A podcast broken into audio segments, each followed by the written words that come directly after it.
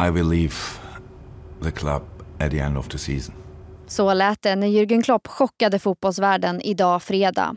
Den mångåriga Liverpool-tränaren lämnar efter att säsongen är slut, berättar han i Liverpools egna kanaler. Men varför lämnar han? Och hur kan ett Liverpool utan Jürgen Klopp komma att se ut?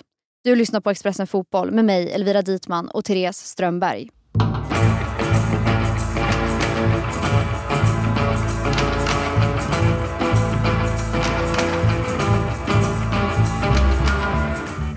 Therese, hur reagerade du när du fick det här beskedet?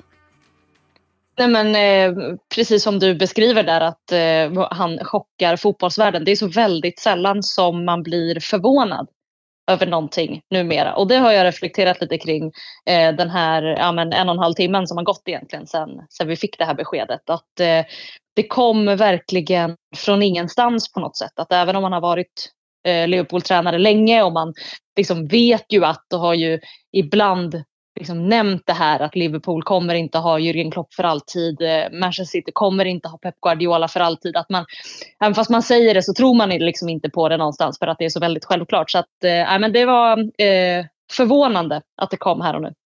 Ja, och när man läser i Liverpools eh, i pressmeddelandet så berättar Klopp att han meddelade det här beslutet till laget redan i november. Och, vi, och ingenstans har det läckt ut, ingen har hört någonting på liksom över två månader. Som du säger, du, du var väldigt förvånad. Hur ovanligt är det här i dagens fotbollsvärld att vi inte har hört det ryktas ens lite om att han ska lämna?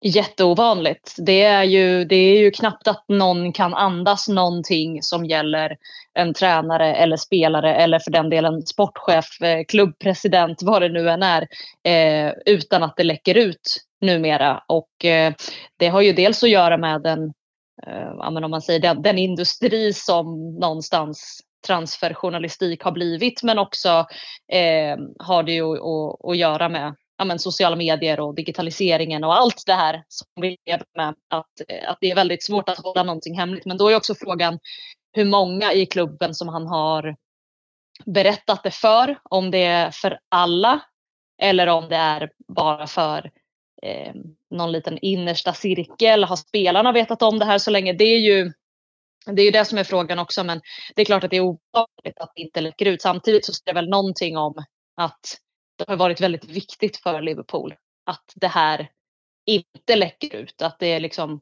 på något sätt så har det ju funnits en, menar, en samstämmighet kring att det här är någonting som vi hanterar i den takten vi eh, anser lämplig för oss. Mm. Kan man dra några stora generaliseringar också om vad, liksom, vad det här säger om det förtroendet som han har byggt upp under alla de här åren? Att klubben liksom sluter det här inom sig på det här sättet?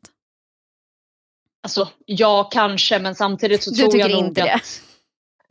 Nej, men jag är, inte, jag, jag, är inte helt säker. Jag har inte, jag har inte riktigt funderat eh, jättemycket över det. Men, men däremot som sagt så säger det väl, det säger väl kanske någonting om det, men jag tror också att det säger någonting om att, eh, ja, men att det här är viktigt för Liverpool att, ja, men som sagt, hantera i den mån eller i den liksom takt de tycker är rimlig och på det sätt de tycker är rimligt. Man, man måste ju komma ihåg vad Jürgen Klopp är för en människa för Liverpool. Han är ju den tränaren som men, har eh, på något sätt återuppväckt eh, Liverpool som har gjort dem till den här stora starka klubben som de har varit de senaste säsongerna. De, de har spelat tre Champions League-finaler och vunnit en. De vann ligan igen för första gången på, på 30 år. De har vunnit en rad andra, andra titlar också. Han har eh, ja, men, han har liksom blivit ett med den här klubben och dess supportrar eh, på ett sätt som, eh, som det under många år i Liverpool kändes som att ingen skulle kunna göra på något sätt. Och, och han är ju, eh, om, inte liksom, om inte den enda så i alla fall den främsta anledningen till Liverpools framgångar de senaste åren och det absolut främsta ansiktet för eh, ansiktet utåt för den stormakt som Liverpool faktiskt är i, i Europa och världsfotbollen idag. Så att det är klart att det här är ju någonting som, som både klubben och han vill hantera med den allra största av vördnad eller vad man ska säga. Jag tänker att vi ska gå in lite på eh, vad det här innebär för klubben i stort. Men vi, vi börjar med att lyssna först till vad Jürgen Klopp själv säger på Liverpools kanaler om varför han har valt att lämna what can I say to them? Running out of energy, but I um, know that I cannot do the job again and again and again and again. Ja, Therese han anger ju flera gånger det här med energibrist som ett skäl till beslutet. Tycker du, känns det naturligt eller är det, liksom, är det här ett större problem som vi kommer se mer och mer i takt med att de internationella liksom, klubbarnas matchschema fortsätter att levlas upp hela tiden? Alltså jag tror att man får se ganska mycket Jürgen Klopp här för den person som han är. Dels, han har varit länge i Liverpool. Det är nio år sedan han kom till Liverpool så han har varit i klubben länge och han har som sagt eh, drivit den här, hela den här klubben eh, i den riktning som, som de har gått och han har varit, eh, haft det här väldigt stora ansvaret som det är samtidigt som han ju i allra högsta grad har vi fått lära känna honom redan innan tiden i Liverpool som en men som en känslomänniska i någon mån och, och jag hörde att eh, Petter Landén pratade tidigare i veckan i den här podden om, eh, om liksom gnällspikarna, alltså gnällspikmiljardärerna och Jürgen Klopp har ju varit kanske ja, men en av de främsta gnällspikarna out there de mm. senaste åren. Och det, det, är ju för att han har ju valt att ta de här striderna som han har tagit. Att han har liksom påtalat gång på gång att det är mycket matcher och att spelarna är trötta och att det det krävs ett eh, ja, men enormt jobb från både honom och, eh, och alla andra i, i klubben för att överhuvudtaget få, få det här att gå runt. Och jag tror liksom att i det där liksom, kombinerat med att han har varit i klubben länge, han har vunnit mycket, han har varit med om både svårare och helt fantastiska perioder.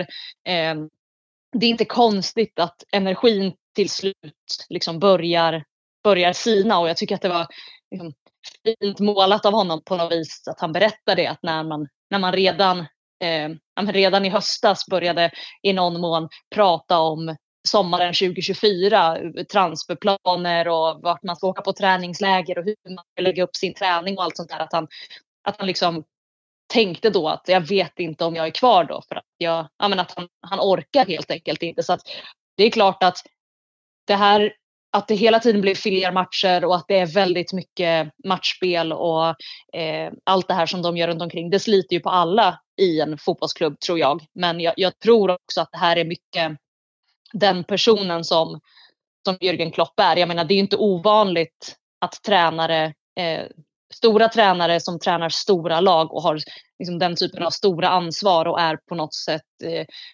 kanske på anspänningsnivå eh, 5 procent som ett slags normalläge. Mm. Eh, att de behöver ett sabbatsår. Alltså kolla på, jag nämnde Pep Guardiola tidigare. Han har tagit ett sabbatsår. Det är jättemånga tränare genom, genom åren som, som gör det för att det är väldigt påfrestande för dem. Ja, vet vi att det är liksom ett sabbatsår som gäller för Klopp eller ja, vet vi någonting om vad som kommer hända med honom nu?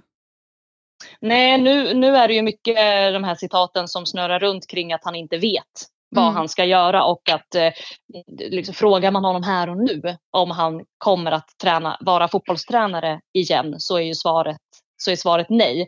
Men återigen, eh, om jag får analysera honom på det sättet så är det väl kanske känslomänniskan Klopp som, som talar i det. Det är klart att eh, det är ju förmodligen enormt emotionellt för honom att lämna Liverpool med tanke på hur han har levt med och i den här klubben under så väldigt många år som som han har gjort.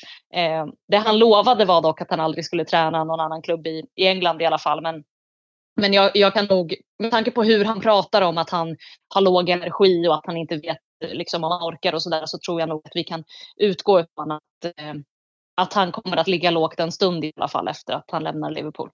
Mm. Och om vi istället för att lämna Liverpool lämnar Klopp lite för en stund och ser till just Liverpool. Vad är, hur kan ett Liverpool utan Jürgen Klopp komma att se ut? hur stor smäll är det här för Liverpool som klubb? Nu ställer du den där läskiga frågan som mm. ingen Liverpool-supporter förmodligen överhuvudtaget vill tänka på. Men det kommer man ju behöva göra nu och jag menar klubben har ju ändå eh, vetat om det här i, i ett antal månader och, och de har ju hunnit börja förbereda sig på det här och, och, och, har ju säkert sedan tidigare också någon slags plan kring vad som händer efter Klopp. Den, den som absolut eh, oftast nämns just nu är ju Xabi Alonso som gör ett superjobb med Bayer Leverkusen och som eh, väldigt många ser som den, den tränare som eh, kan ta över efter Klopp, som kan, kan förvalta det som han har skapat i och eh, med den här klubben. För att å ena sidan så kan man ju tänka sig att det är ett ganska lätt jobb att ta över en, en välskött klubb som eh, ja, har en, någon slags eh, uppåtgående kurva igen eftersom, efter att det var ganska jobbigt förra året och att man har mycket bra spelare. Det är lätt att attrahera spelare till Liverpool så som eh, statusen för klubben är nu. Men det är också ett svårt jobb för att Klopp har varit där så väldigt, väldigt länge som sagt. Eh, så det skulle kunna vara ett svårt jobb. De får inte hamna i det här igen, att, att det blir att, att man, eh, ja, men, att man liksom att man, att man inte träffar rätt. Det får inte bli så. Så att det här är en enormt viktig eh, tränarrekrytering för Liverpool, den som ska ta över efter honom. Ja, och det blir också en enormt stor press på den tränaren som kommer här efter. Känns det självklart att Xabi Alonso skulle tacka ja till det här? Alltså självklart kan det väl aldrig vara. Det är väl en mängd olika faktorer som, som kommer att spela in. Men det råder ju inga tvivel om att det kommer att vara ett attraktivt jobb att ta över sett till var, som sagt, var Liverpool är som förening och den, den status man har. Eh, däremot så är det ju, det är som du säger, det, det, ska vara rätt från alla håll och kanter och på, på alla punkter. Så jag tror att både, eh, både den sportsliga ledningen och för den delen eh, den tränaren som får frågan kommer nog att tänka över det här väldigt, väldigt noggrant. Ja, nu vet, och nu vet ju inte vi liksom in spelet bakom här riktigt. Men klubben har ju vetat om det här ganska länge. Tror du ändå för att försöka hålla det så ja, men, nära intill sig som möjligt, har de redan nu tror du börjat ja, men, skicka ut lite ja, men, spröt och se vad, vilka tränare som skulle kunna vara intressanta för det här eller tror du att det börjar först nu när liksom, nyheten är ute? Det är nu det nya rekryteringsjobbet börjar liksom, för klubben. Jag utgår nästan ifrån att eh, de, även om de inte kanske har börjat vad vet jag, prata med kandidater och, och, och hur man nu exakt eh, rent eh, liksom processuellt gör det här. Så, så även om man inte har gjort de bitarna kanske så tror jag nog att de, de, har, de har haft tid på sig som sagt att, att fundera kring det här och eh, börja jobba kring eh, vem de tänker sig ska vara nästa, nästa tränare. Så jag tror inte att de börjar från noll här och nu men det är klart att det är väl också enklare för dem på tal om det här med huruvida det läcker ut eller inte så är det mm. enklare för dem att jobba, eh, jobba mer intensivt med det när nyheten att Klopp faktiskt ska lämna är ute eh, än vad de kunde göra eh, när det fortfarande var så att säga hemligt. Sen kan det ju också faktiskt vara så att Liverpool kanske till och med har så gott som klart med någon och att det är därför man har valt att gå ut med det nu. Det vet vi ju inte riktigt än. Det är ju fortfarande så väldigt, väldigt färskt. Ja, det, det kändes som en fråga som vi förmodligen säkert aldrig kommer få svar på. Men liksom, varför nu? Varför inför ja. en kuppfinal? Varför, varför inte när, när han väl meddelade laget? Eller varför inte vänta tills säsongen närmar sig sitt slut? Det är ju fortfarande ganska lång tid kvar. Mm.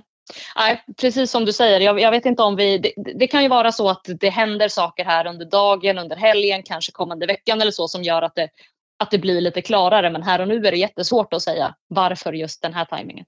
Mm. Spännande om vi kommer tillbaka på måndag och redan vet vem som kommer ta över Liverpool härnäst. Ja. Det vore spännande. Det vore då, då gör, ja, verkligen. Då gör, vi ett, då gör vi ett nytt avsnitt som bara handlar om Liverpool. Tycker jag. Absolut. Fram tills dess så tar vi helg och vi hoppas att ni som lyssnar också får en väldigt trevlig helg även om ni är Liverpool-supportrar.